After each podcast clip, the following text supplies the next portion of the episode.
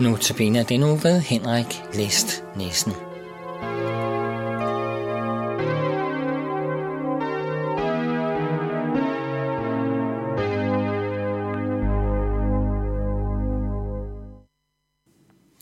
Velkommen til Notabene. Ved Bethesda Dam lå der en mand, som havde været syg i 38 år. Da Jesus så ham ligge der og vidste, at han allerede havde været der i lang tid, sagde han til ham, vil du være rask? Den syge svarede, Herre, jeg har ikke et menneske til at hjælpe mig ned i dammen, når vandet er bragt i oprør, og mens jeg er på vej, når en anden i før mig. De to foregående aftener har jeg fortalt om de utallige syge, der lå ved Bethesda Dam.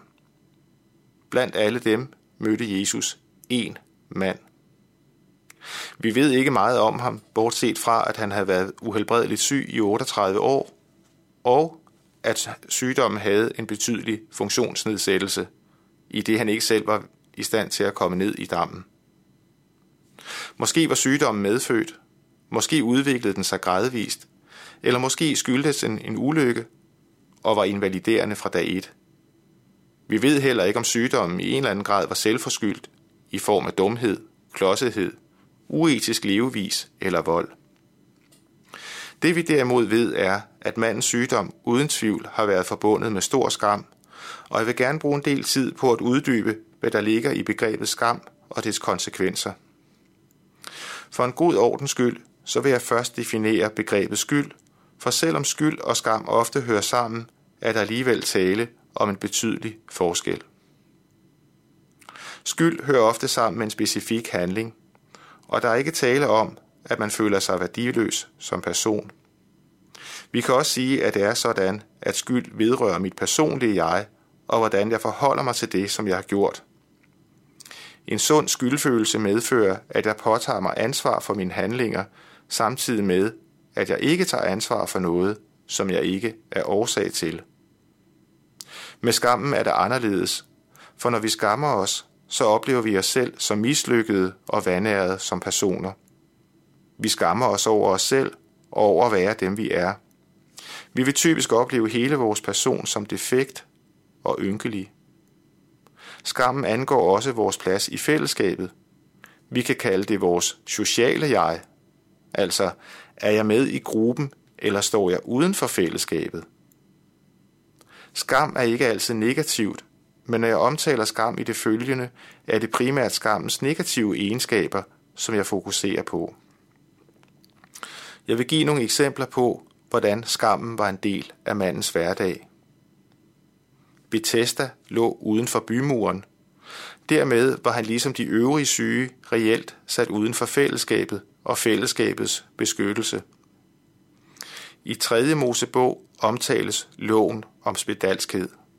Der står blandt andet, den spedalske, der er angrebet, skal bære i revne klæder, hans hår skal hænge løst, han skal tilhylde sit ansigt og råbe, uren, uren. Så længe han er angrebet, er han, u- er han uren. Han skal bo isoleret og opholde sig uden for lejren.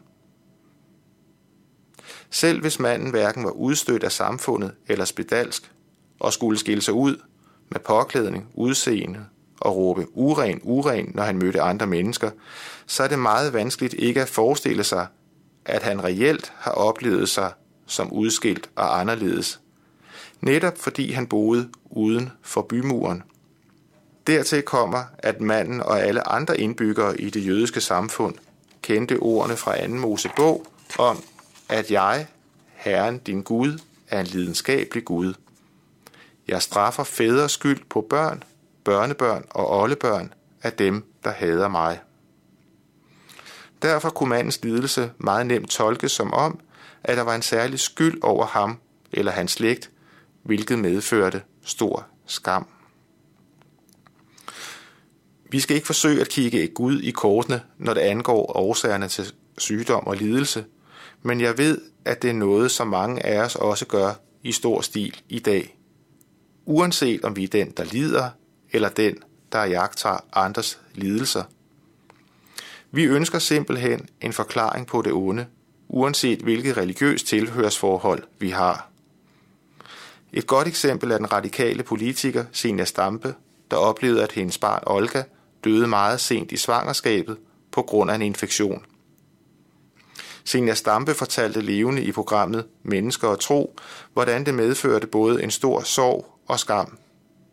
Skam over at tage livet for givet, og skam over ikke at kunne passe på barnet, for der var ikke nogen rigtig oplagt forklaring på, hvorfor hun døde. Altså måtte det være Senia Stampe, der var noget galt med. Senia Stampes eksempel er skam over noget uforskyldt. Hvor meget større skam er det så ikke der, hvor sygdommen vidderlig er selvforskyldt? For eksempel rygerlunger. Et hvert barn kender til rygningens fare. Hvor dum kan noget menneske være, at det så nogensinde er begyndt på at ryge, eller vedkommende, der har kronisk hovedbine efter et styrt på cykel uden cykelhjelm. Rækken er uendelig lang. Det bibelvers, som jeg læste til indledningen, minder os om, at Jesus gerne vil i kontakt med alle os, der oplever os tynget af skam, og i morgen vil jeg fortsætte dette tema.